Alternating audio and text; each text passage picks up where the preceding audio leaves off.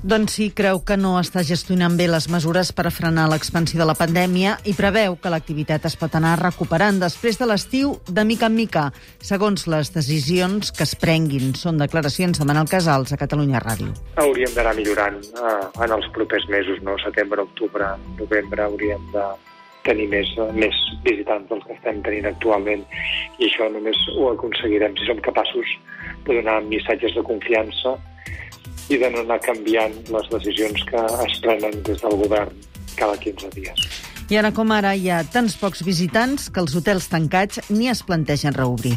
Les últimes dues setmanes s'ha tancat absolutament l'obertura de nous hotels. Hi ha unes 40.000 habitacions, de les quals el 60% segueixen tancades. El sector té els ulls posats en el mes de febrer quan començarà la temporada forta de fires i congressos a la ciutat i calculen que quan hagi passat la pandèmia recuperarà tota l'oferta hotelera, però hi haurà establiments que hauran canviat de mans.